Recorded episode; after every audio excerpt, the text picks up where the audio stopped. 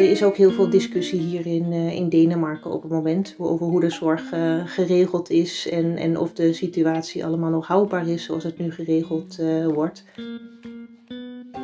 Er is hier een, behandelingsgarantie wat door de overheid is ingesteld. Die behandelingsgarantie, dat is in heel veel gevallen niet haalbaar. dus er wordt stelselmatig overschreden. En er ehm, was heel veel discussie over of dit gehandhaafd moet worden of afgeschaft moet worden. Ik ben Danka Stuiver en in deze podcastserie ga ik in gesprek met Nederlandse artsen die, net als ik, wonen en werken in het buitenland. Waarom besloten zij te vertrekken en waar lopen zij tegenaan? Ik neem je mee over de grens naar steeds een ander land met een andere cultuur en taal en een ander zorgstelsel. Vandaag gaan we in deze podcast nog één keer naar Scandinavië. Eerder sprak ik al met een huisarts en later ook een kinderarts in Zweden en een anesthesioloog en een psychiater in Noorwegen. En aan de luistercijfers te zien vinden velen van jullie de gezondheidszorg in deze landen net zo interessant als ik. Dus gaan we vandaag naar Denemarken. En dat land is vanwege de hervorming van spoedzorg de laatste tijd zeer veel besproken in de media en ook in de Nederlandse politiek. En daarover en over nog veel meer spreek ik vandaag met internist Inge Mos. Vijf jaar geleden ronde zij haar opleiding af in Nederland en vertrok zij met haar man en twee kinderen van destijds tien maanden en bijna drie jaar oud naar Kopenhagen. Het idee was voor twee à drie jaar, maar inmiddels wonen en werken ze er al bijna vijf jaar. Met, zo kan ik alvast verklappen, veel plezier. Inge, van harte welkom. Hoi Danka, dankjewel. Leuk om hier uh, aan mee te kunnen werken. Ja, zeker. Om te beginnen, vertel eens, um, waarom vertrokken jullie eigenlijk direct na het afronden van jouw opleiding naar Denemarken? Ja, dat was eigenlijk vanwege een wens van mijn man, die uh, graag in het buitenland wilde werken voor een uh, bepaalde periode. En uh, toen ik klaar was met mijn opleiding was dat een goed moment. De kinderen waren nog klein en we dachten, ja, het is een beetje nu of nooit. toen kwam er een mogelijkheid voorbij ook om hier in Scandinavië aan het werk te gaan. En uh, hier zagen we onszelf wel wonen en werken en uh, we zijn in het diepe gesprongen. Nou is jouw subspecialisatie vasculaire geneeskunde. Ja, klopt dat? Dat klopt. Ja? ja? ja. Nou, dat vind ik natuurlijk extra leuk, want het was ooit uh, mijn, de, de, het gebied waarop ik gepromoveerd ben. maar dat creëerde ja. ook meteen een uitdaging, hè? zo bleek bij aankomst in Denemarken. Wat was het probleem? De internist of de vasculaire internist, die kennen ze eigenlijk niet hier in Denemarken. Of niet als, als begrip. Een aantal jaar geleden hebben ze de internist afgeschaft en hebben ze van alle subspecialisaties uh, hebben ze die aangehouden. Dus de endocrinoloog kennen ze wel, de infectioloog en alle andere, maar niet de vasculaire internist, die kennen ze niet. De vasculaire interne geneeskunde valt eigenlijk grotendeels hier onder de cardiologie, met bijvoorbeeld uh, tromboseproblematiek. Uh, deels valt het onder de hematologie en ik ben geen cardioloog, ik ben geen hematoloog. Dus um, uh, ja, ik kon, hier, ik kon hier wel werken. Um, ik kon mijn registratie als arts meenemen, maar niet mijn uh, specialisatie. Het was mogelijk om hier wel een opleiding uh, opnieuw te doen met korting, dat wel. Om toch een specialisatie-registratie te krijgen hier. En daarbij heb ik gekozen voor de endocrinologie. Dat lijkt hier het meest op de algemene interne geneeskunde en heeft ook veel raakvlakken wel met de vasculaire geneeskunde daar ben ik op dit moment uh, nog steeds mee bezig. Ja, want het klinkt als wel als een, uh, ja, toch alweer een soort van offer, hè, wat je dan doet. En dan, jeetje, moet je weer een stuk van de opleiding opnieuw doen. Dat horen we, heb ik vaak gehoord bij um, artsen die werkten in, in, um, in Engeland of in Australië. Um, en daar hoor je vaak dat, dat specialisaties uit Nederland niet worden erkend en dat er een deel opnieuw gedaan ja. moet worden. Maar voor de meeste landen in, uh, in Europa, met name Scandinavië, is het één op één vergelijkbaar. Alleen jij hebt dus net ja. het, het verkeerde. Precies. Al is het misschien ook wel, wel fijn om een nieuw land, uh, een nieuw zorgstelsel, een nieuwe cultuur um, te leren kennen als AIOS en niet direct als, uh, als eindverantwoordelijke. Uh, Precies. Dus ja, wellicht is ja. dat dan het, het voordeel daarbij. Ja. Um, nou, het zorgstelsel in Denemarken dat, dat verschilt van dat in Nederland. Dus laten we om te beginnen even uitzoomen. En kun je, kun je vertellen hoe het zorgstelsel is ingericht? Denemarken heeft een publiek zorgsysteem, net als in, in Nederland. Dat wordt gerund door de regionale overheid. Het land is in vijf regio's onderverdeeld. Die krijgen geld vanuit de overheid, wat uit de belasting wordt verkregen. Daarbij is er geen rol voor de zorgverzekeraars. En mensen betalen geen maandelijkse zorgpremie. En voor de ziekenhuiszorg, voor de huisartsenzorg, daar hoeft niet betaald voor te worden. Wel voor uh, medicatie die je bijvoorbeeld uh, ophaalt bij de apotheek of voor tandartszorg, fysiotherapie en dergelijke. Daar is wel een uh, eigen bijdrage voor. daar is dan ook een aanvullende verzekering wel voor mogelijk, die dan iedereen ook bijna heeft. Er is een klein stukje private zorg hier ook. Dat is beperkt, dat is ongeveer 3%. Die bieden niet de complexe zorg, maar wel in, in sommige gevallen de laagcomplexe zorg. En de, de verwijzingen daarnaartoe die, die stijgen wel over de afgelopen jaren. En daarvoor heb je dan dus ook een, een verzekering nodig om daar, de zorg daar goed te krijgen? Je kan een verwijzing krijgen als de zorg bijvoorbeeld niet binnen bepaalde termijnen geleverd kunnen worden door de, door de ziekenhuizen. En je kan ook nog een extra private zorgverzekering hebben die ook die toegang geeft. Ja, er, is ook heel veel discussie hier in, uh, in Denemarken op het moment over hoe de zorg uh, geregeld is en, en of de situatie allemaal nog houdbaar is zoals het nu geregeld uh, wordt. We hebben hier pas verkiezingen gehad waarin dit ook wel een, een groot item was. Dat mensen zeiden dus de zorg zoals het nu geregeld is, is onhoudbaar. Er zijn ook veel problemen en het is duur. Iets wat aan bod kwam was ook, er is hier een, een behandelingsgarantie wat door de overheid is uh, ingesteld. En dat betekent dat je binnen 30 dagen een beoordeling, behandeling moet uh, kunnen krijgen. En als je niet eh, binnen 30 dagen geholpen kunt worden, dat je dan ook vrije keus hebt om naar een ander ziekenhuis te gaan. En ook eventueel naar een privaat ziekenhuis kan gaan. En dan is het daarbij zo dat de rekening voor het, de hoge rekening soms ook voor het ziekenhuis is. Die behandelingsgarantie, dat is in heel veel gevallen niet haalbaar. Uh, dus er wordt stelselmatig overschreden. Er was heel veel discussie over of dit gehandhaafd moet worden of afgeschaft moet worden. Tijdens corona is het ook een uh, tijd gepauzeerd omdat het uh, onhoudbaar was. Nu is het weer actief. het geeft, geeft veel problemen en veel discussie.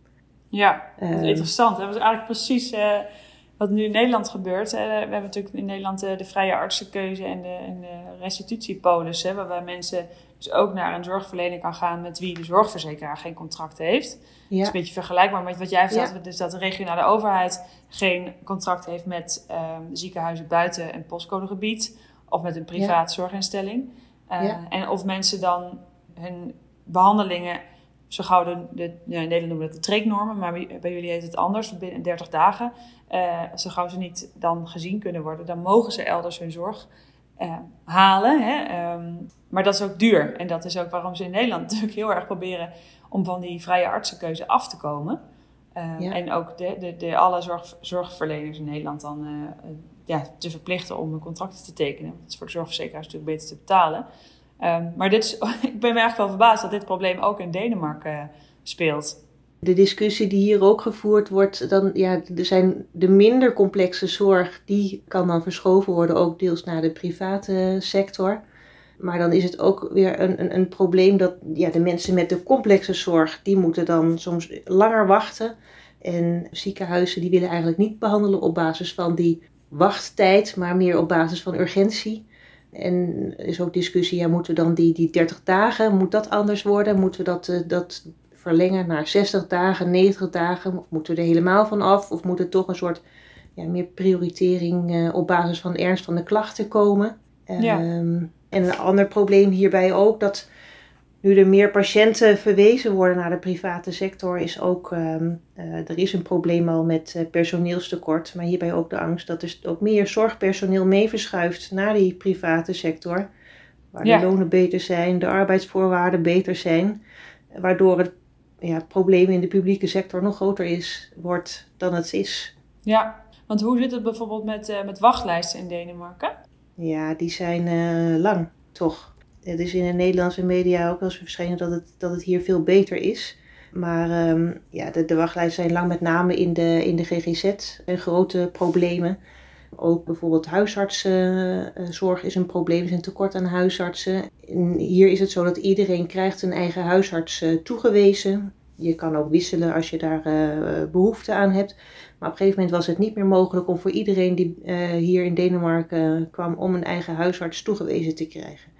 Ja, bijvoorbeeld ja, in grote ziekenhuizen. Er zijn uh, in het nieuws ook wel eens uh, berichten over in de GGZ dat sommige jongeren nu met eetstoornissen, uh, met autisme, dat daar wachttijden zijn van meer dan een half jaar. Dat is ja, moeilijk, maar ook heel moeilijk op te lossen. Ja, want en dat soort patiënten, die, want wat jij net zei, van officieel moet je binnen 30, 30 dagen dan worden gezien hè, bij een verwijzing. Ja. Maar, ja. maar waarom gebeurt dat dan niet bij deze patiënt in de GGZ? Omdat er um, een groot tekort is aan personeel. Dat is in, in alle sectoren eigenlijk, met name in de GGZ. Er is een, is een groot tekort aan verpleegkundigen, ook aan artsen. Uh, bij in de psychiatrie is uh, 20% van de vacatures onbezet. En in bepaalde gebieden nog meer uitgesproken dan andere gebieden. Dus er is geen capaciteit om die, om die wachtlijsten weg te werken. Nee, dus zelfs al zeg je, nou je mag buiten de regio naar, naar een zorgverlener of je mag naar een private instelling. Het, daar Precies. is ook geen uh, zorg het is er niet. Uh, beschikbaar. Nee. Precies, het is er ja. niet. Nee. Nou is een van de verschillen, je noemde net al, het heeft, er zijn vergelijkingen met het Nederlands zorgstelsel, met een huisarts als poortwachter en een verplichte verwijzing. Maar het, het, er is ook een verschil, uh, namelijk in, in ieder geval in de um, publieke sector werken alle medisch specialisten in loondienst. Um, ja. En ja, vergeleken met Nederland, waar toch veel vrijgevestigde artsen werken. Daardoor, dat is een beetje wat ik ook in Noorwegen wat heb gehoord en in Zweden, uh, zie je vaak wel dat de arbeidsproductiviteit op de werkvloer wat lager ligt dan wat we in Nederland gewend zijn aan efficiënt werken. Um, wat, merk jij dat ook? Hoe is het, hoe is het uh, bij jullie? Ja, er is een verschil in arbeidsproductiviteit. Ik denk dat de productieprikkel is hier een stuk lager doordat iedereen in loondienst is. De werkdagen zijn hier uh, korter in, uh, in Denemarken. Iedereen uh, die werkt ja, in de ziekenhuizen bij werktijden van 8 tot, tot 3 of van soms wel een beetje ja, maar daarom kring. Dus je hebt met poli is er dan een, een soort lange ochtendpoli en niet de, de ochtend- de middagpoli zoals je in Nederland gewend bent. En nu zit ik sinds kort in een, in een diabetescentrum waar ze het wel iets anders hebben ingericht. Ook wel met een, of een ochtend- of een middagdeel, maar nog steeds die kortere blokken waarin gewerkt wordt. Je ziet ook op de afdeling dat, er minder patiënten door een arts op een dag gezien worden. En na één uur s middags is het vaak met dingen die kunnen wachten. Ja, dan, is het, dan komt het de volgende dag weer. Terwijl je in Nederland vaker zou zeggen, ja, laten we het nu even meteen doorpakken. En uh, ja, ja. De productiviteit ligt wat minder hoog. Ja, precies. Dan zou je denken dat eh, gezien de wachttijden, dat je ook moet, moet bekijken of je daar dan toch iets, uh, iets in kan stimuleren.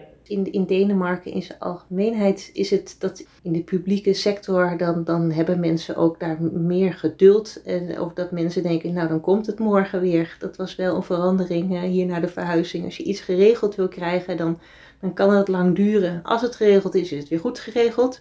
Maar um, ja, het, het alles kan langer duren. Ja, klinkt een beetje als de manjana manjana mentaliteit. Meer een, uh, dat had ik niet verwacht in Scandinavië, laat ik het zo zeggen. Nee. Maar ja, dus je, kan even, je moet even wachten, maar als het dan geregeld wordt, dan gebeurt ja. het ook goed. Ja. ja, ja. Nou, je zei net al dat de huisarts in Denemarken een, een vergelijkbare rol heeft. Um, is de, het takenpakket van de huisarts en, en de, de verplichting bijvoorbeeld om ook de zorg in de ja, avond, nacht en weekenden te verzorgen, is dat ook vergelijkbaar? Ook in, in Denemarken is het zo dat een, een groot deel van de chronische zorg naar, naar huisartsen uh, wordt toegeschoven met de COPD-patiënten, de type 2 diabetespatiënten. Een groot deel moet nu bij de huisarts blijven. Ook um, wat ze hier wel erbij hebben is ook een deel van de jeugdgezondheidszorg. Het consultatiebureau dat, uh, dat bestaat hier niet. Dus alle vaccinaties ja. en uh, controles dat loopt via de huisarts. En zij zorgen ook inderdaad voor de verwijzingen naar de, naar de tweede lijn. Wat betreft de dienst hebben ze hier ook het systeem met een avond-nachtdienst. Waarbij uh, je niet zomaar naar, de, naar het ziekenhuis, naar de eerste hulp kan gaan. Er is altijd contact nodig met de huisartspost. En die hebben ook in, hier in, in de regio, op, in de ziekenhuizen, zijn er ook huisartsen die daar, uh, die daar patiënten zien. Maar bij ons in het ziekenhuis was het tot een uur of elf s'avonds dat er een, uh, iemand uh, aanwezig was. En daarna was er vaak dat, dat patiënten, dat dan die arts wegging en dat patiënten toch doorgeschoven werden naar de, naar de eerste hulp. Wat we wel vaak merkten was, het waren niet alleen huisartsen die daar de triage doen, maar ook andere artsen die daar wat extra diensten doen En dat de triage niet altijd even uh, accuraat is. Of dat mensen toch naar een eerste hulp doorgestuurd worden zonder dat ze eigenlijk echt gezien waren. En dat, je, dat het toch eigenlijk huisartsenzorg is of zorg die kon wachten, die in de dienst gezien mhm. worden in het ziekenhuis. Ja, ja. Maar het principe is helemaal hetzelfde. Ja, dan zie je maar hoe belangrijk het toch is hè, als, je zo'n, als je een goed georganiseerde en een stevige eerste lijn hebt, hoeveel dat eigenlijk het ziekenhuis verlicht. Ja, hè? precies. Ja. Nou, je hebt al een paar keer genoemd hè, dat er een tekort is aan personeel. Uh, zowel huisartsen, uh, medisch specialisten, verpleegkundigen. Waardoor denk jij dat dit tekort wordt veroorzaakt? Ja, er is hier een heel groot tekort aan met name verpleegkundigen. Er zijn 8000 uh, eh, vacatures niet vervuld op dit moment in Denemarken.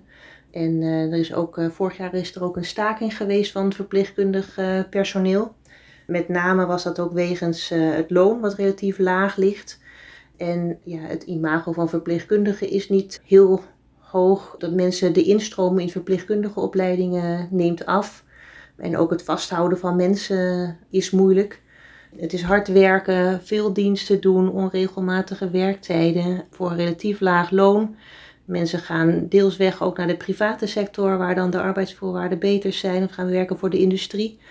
Ja, bij artsen bijvoorbeeld is een, een deel van de artsen gaat naar, naar Noorwegen toe, waar de lonen bijvoorbeeld uh, een stuk hoger liggen. Ja, dat is denk ik het, het belangrijkste. Ja, nou staat Scandinavische landen, die zijn wel bekend om ten opzichte van Nederland in ieder geval een betere work-life balance. Ja. Um, om het even in het Engels uh, te zeggen. Hoe vind jij deze? Ja, de, de work-life balance die is hier een stuk beter dan in, in Nederland. Het is uh, wat ik net zei, de, de arbeidsdagen zijn een stuk korter. Het is hier heel normaal om, uh, om fulltime te werken. Uh, mannen en vrouwen beide, ook als er kinderen zijn. En dan als arts is fulltime werken 37 uur per week werken. ja, dus vijf dagen, maar korter. Bij ons was het zo dat diensten, overwerken, alles wordt gecompenseerd. En ja, je bent dus eerder klaar op de werkdag. De, de, de zorg voor kinderen is hier goed geregeld ouderschapsverlof is, is, is langer. Mannen en vrouwen kunnen samen bijna een jaar thuis zijn eh, bij het kind. Daarna is het ook uh, gebruikelijk dat kinderen naar de, naar de crash en naar school gaan. Ook fulltime, vijf dagen in de week. Ja, dat is dan gesloten om een uur of vijf smiddags. Op vrijdag is bij ons de opvang om vier uur gesloten. Je haalt de kinderen eerder op. Je hebt wat meer rust s'avonds. En ja, voor de kinderen is het ook hier goed te doen met heel veel continuïteit. Want de leidsters op de, op de kinderopvang zijn er ook gewoon elke dag. Die zijn er ook elke dag, precies. Ja, precies. Hier wordt niks uh, gesloten. Nee. Wat wel ook nog een groot voordeel hier is, of wat beter geregeld is, is omdat iedereen fulltime werkt, is het zo dat als er ziekte is bij een kind, dan is het ook heel normaal dat iemand daarvoor naar huis gaat. En je hebt ook de eerste twee ziektedagen krijg je ook doorbetaald. En daar is nooit enige discussie over. Dan, dan ga je gewoon naar huis en dan ga je dat regelen. En, ja, of als je aan het eind van de dag inderdaad naar huis moet om uh, de kinderen op te halen dan, dan, en je rent uh, weg, dat is, dat is totaal geaccepteerd. Nou, in de aankondiging noemde ik al even uh, die spoedzorg, hè, waar veel om te doen is. Um, in 2007 werd er al in Denemarken begonnen aan een hervorming van, van die spoedzorg. En nou ja, de redenen zijn denk ik herkenbaar voor, voor Nederlandse zorgverleners. Namelijk, zoals je noemde al, een, een grote schaarste aan zorgpersoneel. Maar ook een stijgende zorgvraag en steeds verder oplopende zorgkosten. Um, nou, deze Deense hervorming die omvat het sluiten en het fuseren van kleine ziekenhuizen en het concentreren van gespecialiseerde acute zorg. Waarbij het aantal ziekenhuizen, ik, lees even voor, wordt gereduceerd van 44 in 2007 naar 21 in 2025. Als het dus helemaal afgerond is. En recent publiceerden de Denen ook een groot wetenschappelijk onderzoek naar de effecten van deze hervorming op de kwaliteit van zorg. En die waren eigenlijk alleen verbeterd voor de hoogcomplexe zorg. Dus voor mensen met een herseninfarct, hartinfarct of een groot trauma. Zorg die we in Nederland al hebben geconcentreerd in zogenaamde traumacentra. En voor 90%, dus de laagcomplexe zorg, zoals een diepe snijwand of een gebroken pols, bleek de zorg eigenlijk niet beter en ook niet goedkoper te zijn geworden na deze ehm, hervorming van spoedzorg.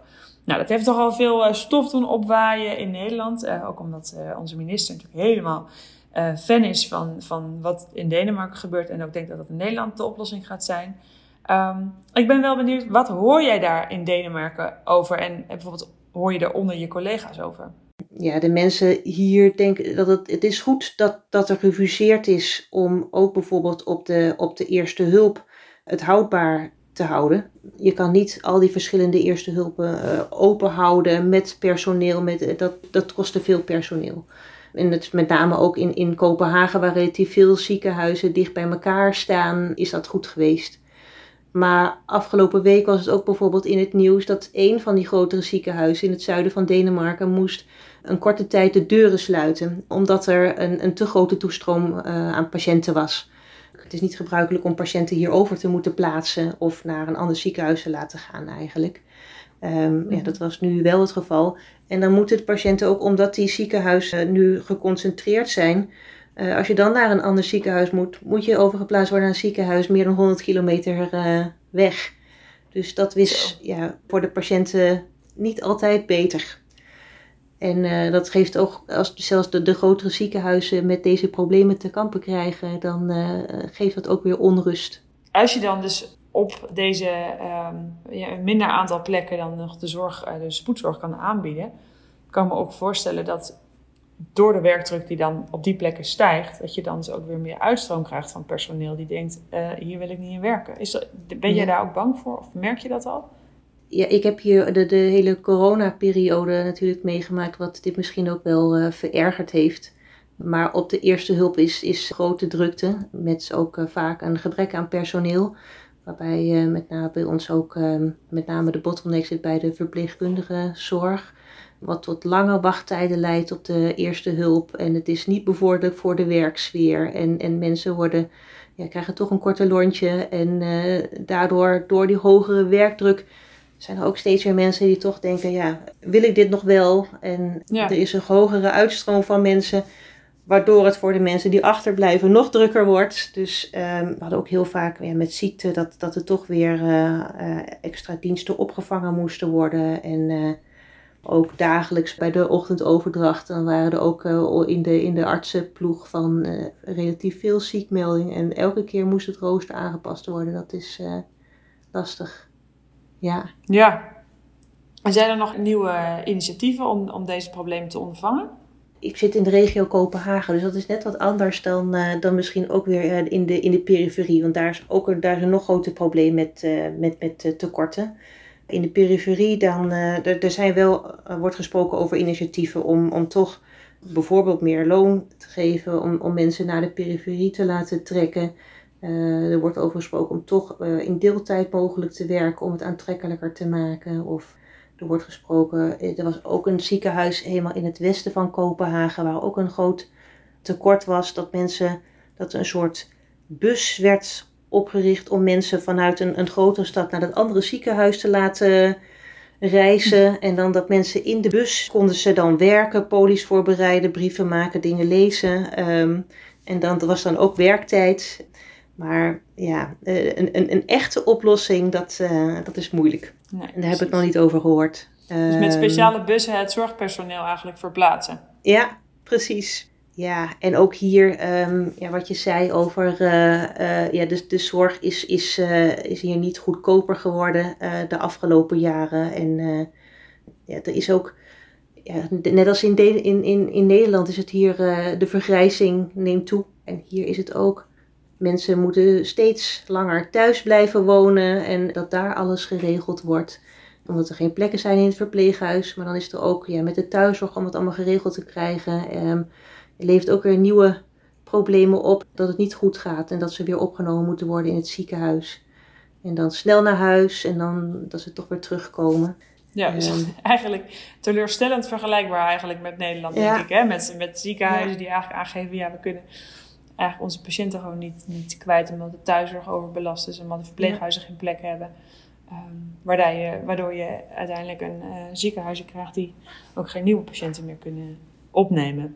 Ja, precies. En, en moeten gaan uitplaatsen, ja. we hadden het over de zorg dat die meer geconcentreerd wordt nu in de, in de, in de grote ziekenhuizen. Maar vorig jaar is er hier weer een nieuw initiatief van de grond gekomen. En dat is dat de zorg juist weer dichter bij de mensen moet komen. Dus uh, daarbij is het idee dat er nu 20 neohospitelen moeten komen. Het woord lijkt op uh, ziekenhuis, maar het betekent dat er een soort zorg, uh, ja, een soort dagbehandelingsplekken moeten komen. Dat, dat mensen voor bloedonderzoek, poliebehandelingen en de, dat dat allemaal weer juist niet in de grote ziekenhuizen moet, maar dichter bij huis. Dat moeten er twintig zijn verdeeld in het land, die eigenlijk weer op de plekken komen waar de eerdere ziekenhuizen gesloten zijn. Zo voor anderhalve lijncentra. Ja, precies. Het gaat daar ook eigenlijk net als in Nederland alle kanten op. Dat je de zorg moet dicht bij de patiënt, maar eigenlijk ook geconcentreerd. En wat willen we nou eigenlijk? Dat je, nou, ook weer vergelijkbaar.